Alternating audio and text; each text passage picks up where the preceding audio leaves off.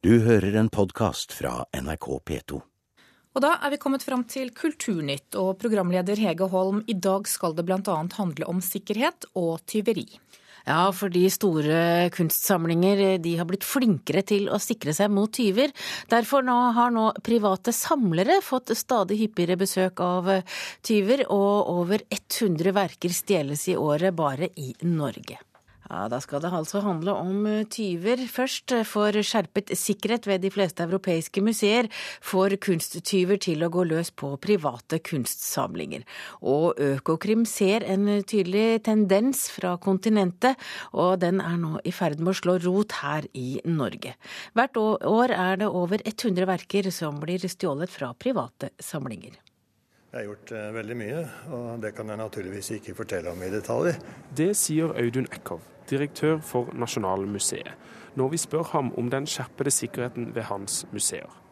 Det han imidlertid kan si er Det er i hvert fall sånn at uh, de viktigste, eller de, de, museene som har de mest verdifulle uh, kunstsamlingene i Norge, har gjennomgått en, en, betydelig oppgradering av sikkerheten. Sånn at disse er, er veldig vanskelig å, å stjele fra. Økokrim, vær så god. Takk. Hyggelig. Takk. Vi er på arbeidsrommet til overbetjent Kenneth Didriksen ved Økokrim. Hvert år stjeles tusenvis av malerier i Europa, mange av disse også i Norge. Så sent som forrige måned ble verdifulle kunstverk stjålet fra en bolig på Hamar. Her sitter vi da og eh, har tilgang til eh, de forskjellige registrene, det være seg norske register. De fjerner ikke kunsttyveriene. Vi skyver kunsttyveriene. Det er det som skjer. Eh, og da eh, går vi der det er minst motstands vei, og der er det de som har eh, private samlinger, som er veldig mye verdt. Hvilke råd kan dere i Økokrim gi til dem som har verdifull kunst i hjemmet sitt? Noe som er første trinn, og kanskje som er veldig viktig, det er å registrere det du har. Ta et bilde av det, beskriv det, det og legg dette i, denne beskrivelsen av foto i en bankboks. Det har vist seg veldig nyttig dersom uhellet skulle være ute og det blir frastjålet. Da er gjenkjennelsen og ettersøkningen mye enklere. Et lite portrett. Så jeg kan ikke huske sist vi hadde fire Karsten-bilder på samme auksjon. Så det blir i seg selv en attraksjon. Auksjonarius Hans Rikard Elgheim viser stolt frem kunsten ved sitt auksjonshus på Grev Wedels plass i Oslo. Hvor mye er et sånt bilde verdt, de vi ser på nå? Det er 400 000-600 000 som er vurderingen som er satt på Nyhavn-bildet. Og det lille fra Skagen 200 000-300 000. Dette er noe som må passes godt på? Det må passes godt på av oss og av de som skal kjøpe det. Og Elgheim passer også godt på. Men tror han nordmenn er klar over at de kan ha et bilde på veggen internasjonale kunsttyver gjerne vil ha kloa i? Jeg må nok dessverre svare nei på det. Jeg tror man er ubevisst, rett og slett. Jeg tror man, Inntrykket er at man ser på kunsten som en del av innboet. Av noe, som, noe vakkert man omgir seg med. Men man, man har ikke forhold til det som verdigjenstand. Men det er akkurat som sikkerheten, sikringen av huset er vel så viktig som forsikringen av kunstverkene. Og Det er mitt poeng, at en større bevissthet hva man faktisk har, og hva det er verdt. Som følge av skjerpet sikkerhet ved store museer kommer privateide malerier i kunstkjeltringenes søkelys. Didriksen mener det er to ting som er viktig å huske på dersom du eier et verdifullt kunstverk. Ta bilde av det, og registrer det. Og her har noen og enhver noe å lære, mener Didriksen. Har ikke kjeft der oppe i NRK som vet hva resepsjonen er. Jeg håper at driftsseksjonen oppe hos deg har tatt bilde av det og har skrevet hva det er for noe. Kan du spørre kollegene dine om de husker hva som ligger i resepsjonen? Ikke en kjeft å gjøre det, altså. Jeg skal ta og spørre dem. Ja. ja, så får vi se hva som skjer. Reporter her var Steinar Solås Suvatne.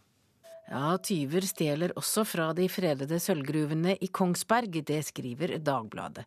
Gruvene er i dag museum, men fjellet inneholder fortsatt sølv, og siden 1992 har personer brutt seg inn og stjålet sølv verdt flere titalls millioner kroner. Den siste tiden har politiet tatt tyver på fersk gjerning, og nå etterforsker de saken for fullt. Arbeidstilsynet varsler full gjennomgang av arbeidsmiljøet ved Den nasjonale scene i Bergen. De ansatte er misfornøyd med direktøren på teatret, det skriver Bergens Tidende.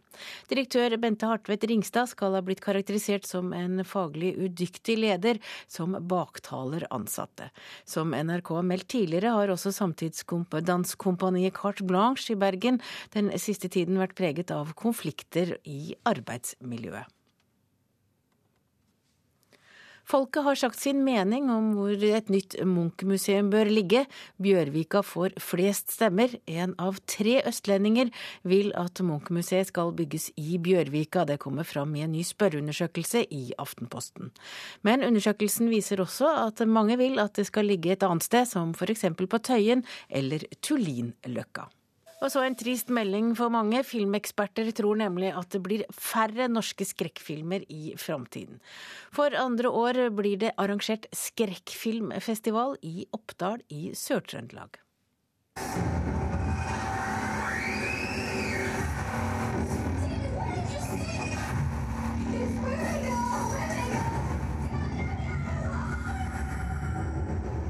Nei, det var litt artig å kjenne litt kick da i kroppen. Ja, jeg hater egentlig skrekkfilmer, men eh, det er artig for dem. Her har vi oppretta en egen liten uh, sak. Det her er ikke en kinosal til vanlig, så vi har bygd, eh, bygd en kinosal. Med, det er en svær hjemmekino, egentlig.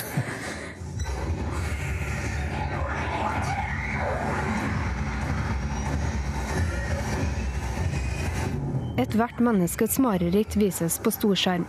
Toronto har det, Barcelona har det, London har det, og også Oppdal har skrekkfilmfestival. Festivalen kalt Ramaskrik er lillebroren til filmfestivalen Kosmorama i Trondheim, og arrangeres for andre gang i Oppdal kulturhus. Ramaskrik er en uh, filmfestival, en sjangerfilmfestival som uh, fokuserer på i hovedsak skrekkfilm men òg litt eh, fantasy og science fiction. Så det er i den sjangerverdenen sjangerverden der, da. Over 1000 løste billetter og 55 timer med film. Men det er ikke bare skrekk og gru, sier festivalsjef Morten Haagensen. Vi må jo ha noe hvileskjær. Nei, det er jo fordi at vi, vi er en festival som har eh, stort sett 15-årsgrense på filmene. Og da er det et mye videre spekter enn det folk kanskje oppfatter som skrekkfilm. da. Hvileskjær. Ja, kanskje det er akkurat det norske kinopublikummere trenger nå. For ifølge Kjell Runar Jensen, kurator ved Cinemateket, holder skrekkfilmbølgen på flate ut. Denne bølgen vi har sett de siste 10-15 årene kanskje på vei til å flate litt ut. Det har kanskje vært at eh, de har brukt opp de, de klassiske ideene. ikke sant? Og Derfor så ser man etter andre ideene. Og originale skrekkfilmideer er ikke så lett å komme på. Det har han jobba med lenge, også i utlandet. Vi fant noe i, i vannet der oppe med det teltet. Før år 2000 ble det produsert to norske skrekkfilmer. Etter tusenårsskiftet kom bl.a. 'Villmark, fritt vilt' og 'Død snø'. Over 20 norske reinspikka skrekkfilmer ble produsert. Men nå tror Jensen at vi vil få se færre norske skrekkfilmer på kinolerretet. På kinofilmen så er det kanskje litt mindre av det nå. Og en tendens jeg vil absolutt si at det skjer der, er jo at uh, skrekkfilmelementene fins, men den rene skrekkfilmen heller kanskje på å forsvinne litt ut. Mens man inkorporerer de her skrekkfilmelementene i andre typer filmer, i thrillere og i, komedier osv., så videre, sånn at det får Eh, kanskje ikke de her rene skrekkfilmene lenger på kino. Også festivalsjef og kinosjef Morten Haagensen tror vi vil få se enda mer av sjangerblandinga i norsk skrekkfilm i framtida. Jeg jobber jo med kino hele året. Vi ser det er veldig få renspika skrekkfilmer som går på kino. Jeg tror ikke nødvendigvis eh, at det er marked for å lansere skrekkfilm hele året, norske skrekkfilmer. Hellfjord er et godt eksempel på det òg. Kjempepopulær serie som går på NRK. Det, vi viser den her. Det er heller ikke en skrekkfilm, men den har masse elementer. Så ja, jeg kan være med på det. At, eh, at du får en slags sjangerblanding. Men jeg syns det kan godt gå under paraplyen skrekkfilmer. Ja, reporter på skrekkfilmfestival var Kaja Kristin Næss. Og mens vi er inne på temaet, for første gang i filmhistorien er en fiksjonsfilm i sin helhet spilt inn på Sydpolen. Det er da selvsagt også en skrekkfilm. South of Sanity heter den, og er laget av amatører fra forskningssenteret British Antarctic Survey. Og det er uvisst om filmen kommer på norske kinoer, men den får sin premiere i Storbritannia på halloween. Ja, Så skal vi altså høre om den amerikanske populære TV-produsenten HBO, som nå vil lage norske TV-serier. HBO er kjent for blant annet suksesser som Sopranos, Sex og singelliv og Six Feet Under.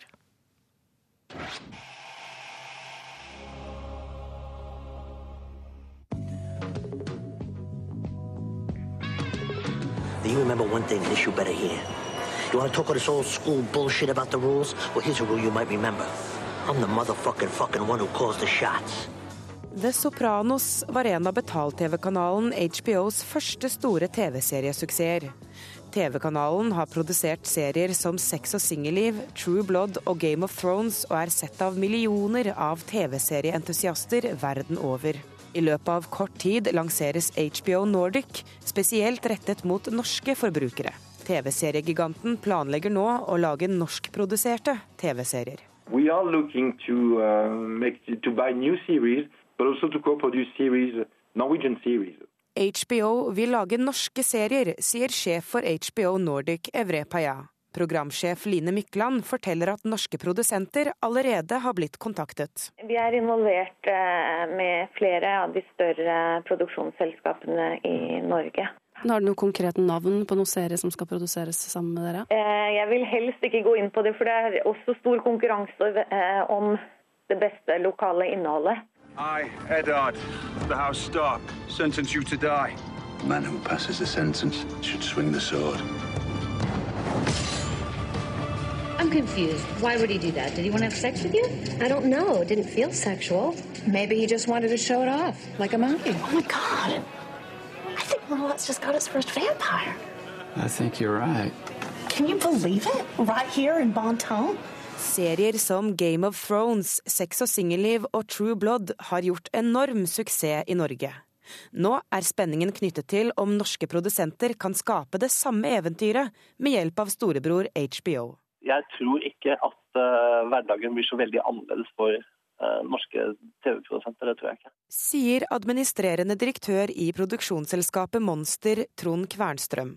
Han har ikke vært i kontakt med HBO Nordic. Det de har på skjerm på sin kanal i USA, uh, så er jo det, altså, det kvalitets-TV-drama. og så er jo jeg spent på å se om, om det går an å finne, å, å finne, budsjetter til lignende ting i Norge og Norden.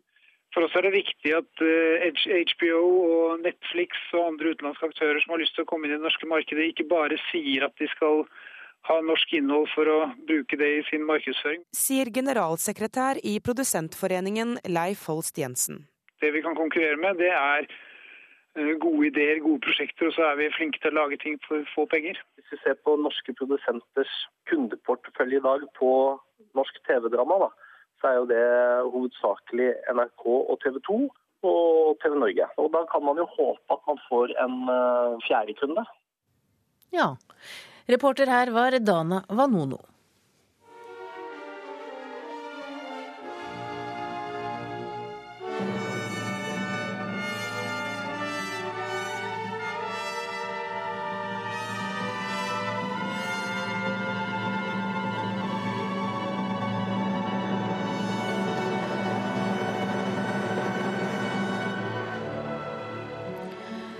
Ja, slik låt det i Den norske opera i går kveld, da operaorkesteret hadde invitert den finske dirigent nestoren Leif Segerstam til å dirigere Gustav Mahlers krevende niende symfoni fra 1910.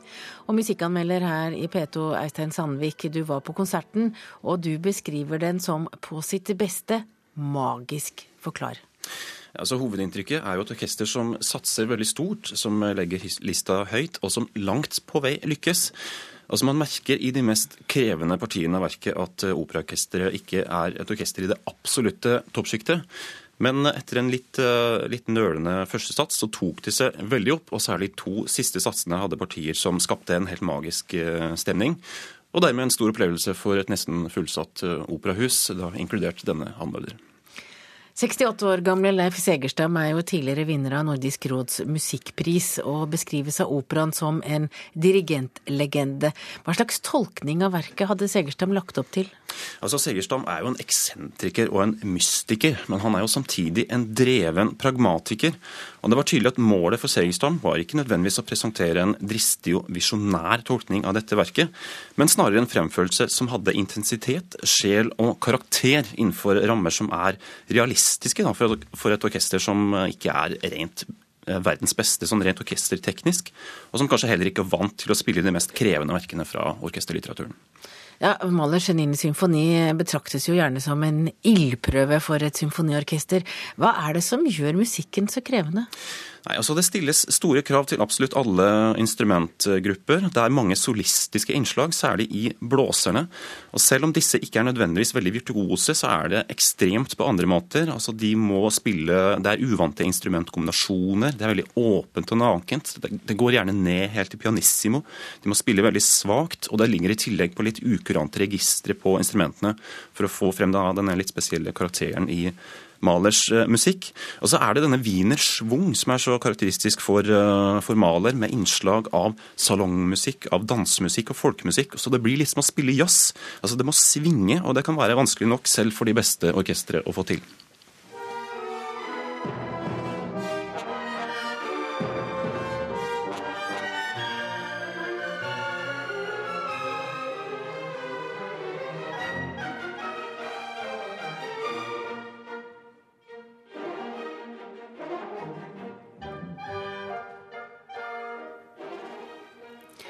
Du kaller det et betydelig løft for operaorkesteret å framføre Gustav Mahlers 9. symfoni, så hvorfor gjør de det?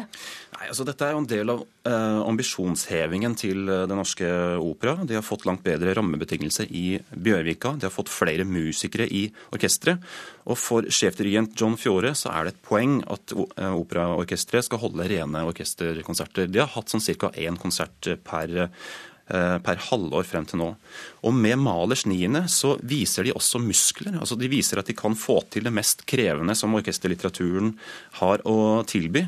Og selv om de kanskje ligger litt bak Oslofilharmonien f.eks., det konkurrerende orkesteret i byen rent sånn orkesterteknisk, så har de et stort fortrinn i den gode akustikken i operaen. Altså De har et hus som jobber med og ikke mot orkesteret, og det får da ikke minst publikum stor glede av.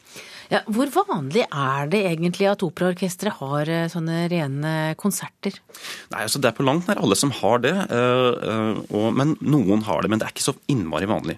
Men du skal ikke så veldig langt tilbake i historien før dette var normen. Altså Den gangen Gustav Mahler selv var dirigent, så var dette helt vanlig. Altså De fleste rene symfoniorkesterkonserter var det operaorkestre som sto for. Og det er mye som tyder på at vi er i ferd med å bevege oss mot en tilsvarende situasjon nå. Altså Hvis vi ser utenfor Norge, så foregår, foregår det en massiv nedleggelse av disse rene symfoniorkestrene. Så hvis vi ser noen tiår frem i tid, så er det ikke usannsynlig at eh, vi vil finne mange institusjoner som tilbyr både opera og symfoniorkester, altså samme orkesterinstitusjon. Takk til deg, Eistein Sandvik. Du sier altså at forestillingen var på sitt beste magisk.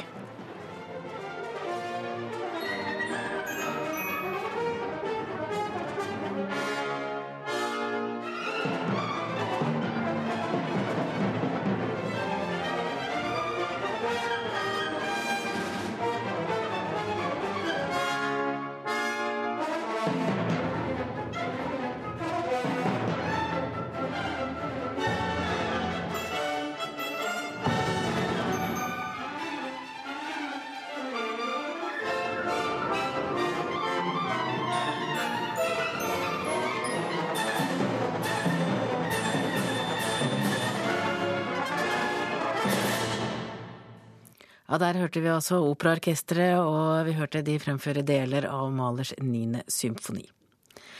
I tre år har lydkunstner Elin Øyen vist, vis, Vister fanget lyden av kystkulturen på Røst i Lofoten.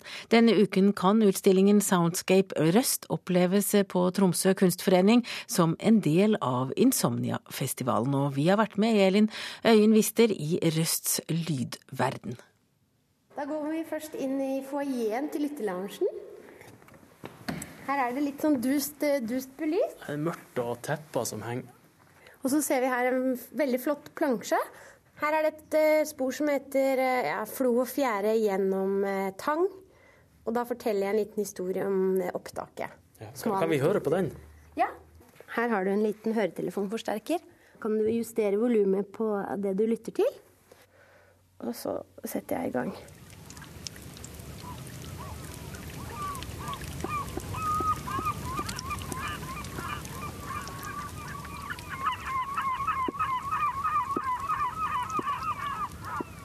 Her får folk stå i fred og ro og høre på røst. Ja, det gjør de. Nå er det en hyperrealitet de får presentert, fordi jeg har jo tatt opp lyd med veldig spesielt utstyr. Så ørene våre hører ikke så godt som de mikrofonene jeg har brukt. Eh, og så har jeg gjort en del kunstneriske grep, f.eks. den ene mikrofonen ligger inni et reir, mens den andre er kneppa fast til en liten blomst på utsiden av reiret. Så da får du på en måte følelsen av å være både på innsida og utsida samtidig.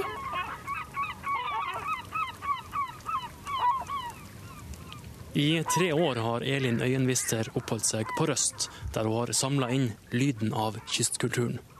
Kunstneren ønsker å sette fokus på sjøfuglbestanden, som er på tur ned.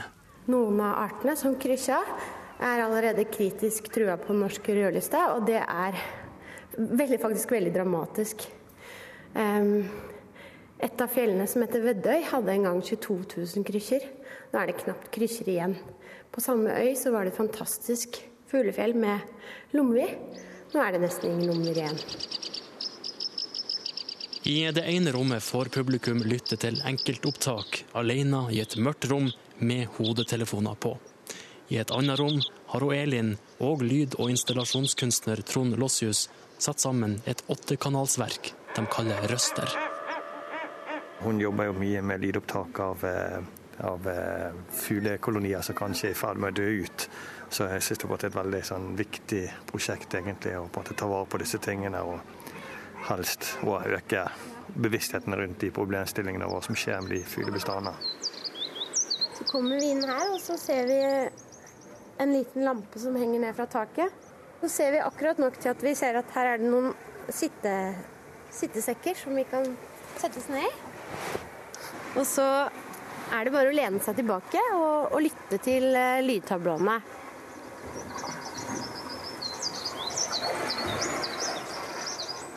Det er en dag hvor det ligger et flak på 40 000 fugl utpå vannet. er det. Og så er det kombinert med den, det skaret. Så det er veldig meditativt. Ja, Du frykter ikke at noen sovner av i saccosekkene? Det måtte jo være et fantastisk sted å sovne. Så drømmer du med lyden.